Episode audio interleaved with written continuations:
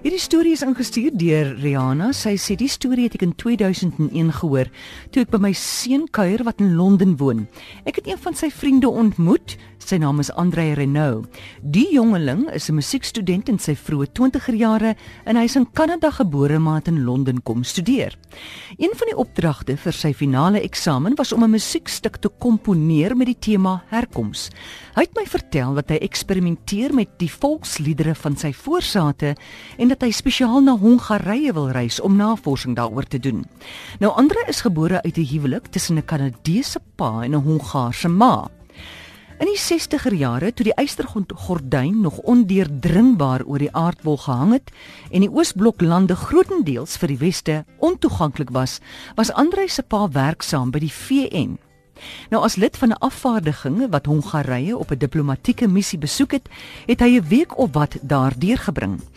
Tydens die besoek het hy 'n geswore vrygesel in sy 30er jare vlugtig 'n jong Hongaarse meisie ontmoet. Dit was op 'n groterige dorp ver weg van die hoofstad. Hy is net aan haar voorgestel en hy het net haar naam onthou. Haar van was te moeilik om uit te spreek dat hy omtrent dadelik vergeet het. Voordat hy verder met haar kon praat of meer van haar kon uitvind, moes die afvaardiging weer vertrek. Die ontmoeting was kortstondig, maar die meisie het by die man bly spook. Selfs na die afvaardiging terug is na die FSH, kon hy nie hierdie vrou uit sy gedagte kry nie.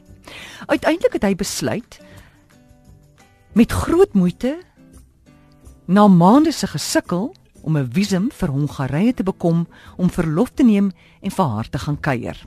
Nou onthou dit was die 60s en die Oosbloklande was heeltemal ontoeganklik. Hy het in Budapest aangekom. Hy het nie geweet hoe hy haar in die hande gaan kry nie.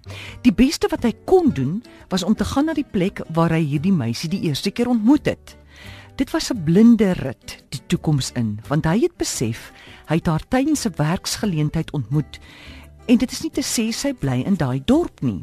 Hy het by een van die hotelle van die dorp ingeboek en besluit daar sal hy bly tot hy die meisie opgespoor het of weet waar sy haar bevind. Hy het goed geweet dat sy soektog die spreekwoordelike naald in 'n hooimiet is. Verder het hy net haar voornaam geken en hy kon glad nie die taal praat nie. Hy het sy tas uitgepak en toe na die kroeg gegaan en 'n bier bestel. Hy was alleen in die vertrek en het sit en beraam wat die volgende stap moet wees.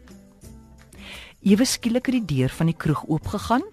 Hy het opgekyk en die vrou na wie hy kom soek het, het by die deur ingestap. En sy het hom oombliklik herken.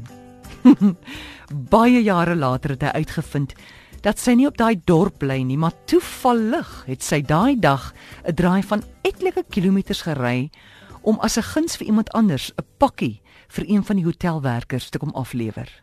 Toeval? Hulle pragtige talentvolle seun is die res van die verhaal. En ek het vir Andre ontmoet wat 'n pragtige jong man